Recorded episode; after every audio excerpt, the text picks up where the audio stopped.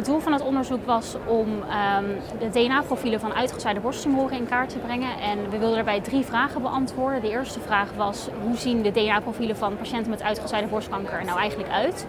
De tweede vraag was: hoe uh, verschillen de DNA-profielen van uitzaaiingen van, uh, van uitgezaaide borstkankertumoren?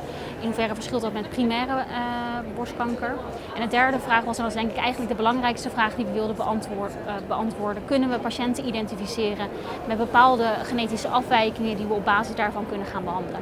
In de CPC202-studie doen meer dan uh, 41 ziekenhuizen in Nederland mee. En in deze studie worden patiënten met uitgezaaide kanker krijgen, ondergaan een biopt, waarna dat biopt gesequenced wordt bij de Hartwig Medical Foundation.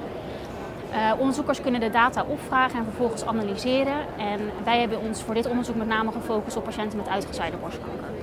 De belangrijkste resultaten van het onderzoek zijn is dat we op basis van de DNA-profielen van uitgezaaide borsttumoren daadwerkelijk patiënten hebben kunnen identificeren die baat zouden kunnen hebben van specifieke therapieën, zoals bijvoorbeeld uh, platinumvattende chemotherapie, PARP-remmers of immuuntherapie. Zo hebben we patiënten kunnen identificeren met een hoge tumor mutational burden. Dat wil zeggen dat zij heel veel mutaties hebben in hun genoom, waardoor zij baat zouden kunnen hebben van immuuntherapie.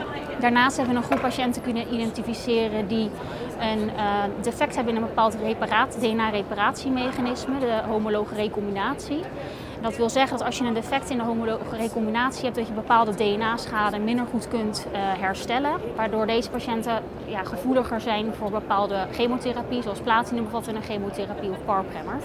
En als laatste hebben we een groep van patiënten kunnen uh, identificeren die een bepaald genetisch effect he hebben in hun uh, DNA, waarvoor reeds geregistreerde middelen op de markt uh, beschikbaar zijn voor andere tumortypen. En deze patiënten die zouden bijvoorbeeld in studieverband uh, behandeld kunnen gaan worden met deze middelen.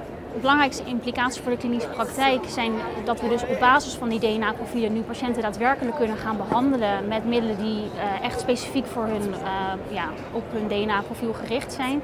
En het is nu zaak om klinische studies op te gaan zetten waarin we patiënten ook op basis van het DNA-profiel gaan behandelen. En dan moeten we gaan zien of patiënten dan daadwerkelijk daar ook baat van gaan hebben.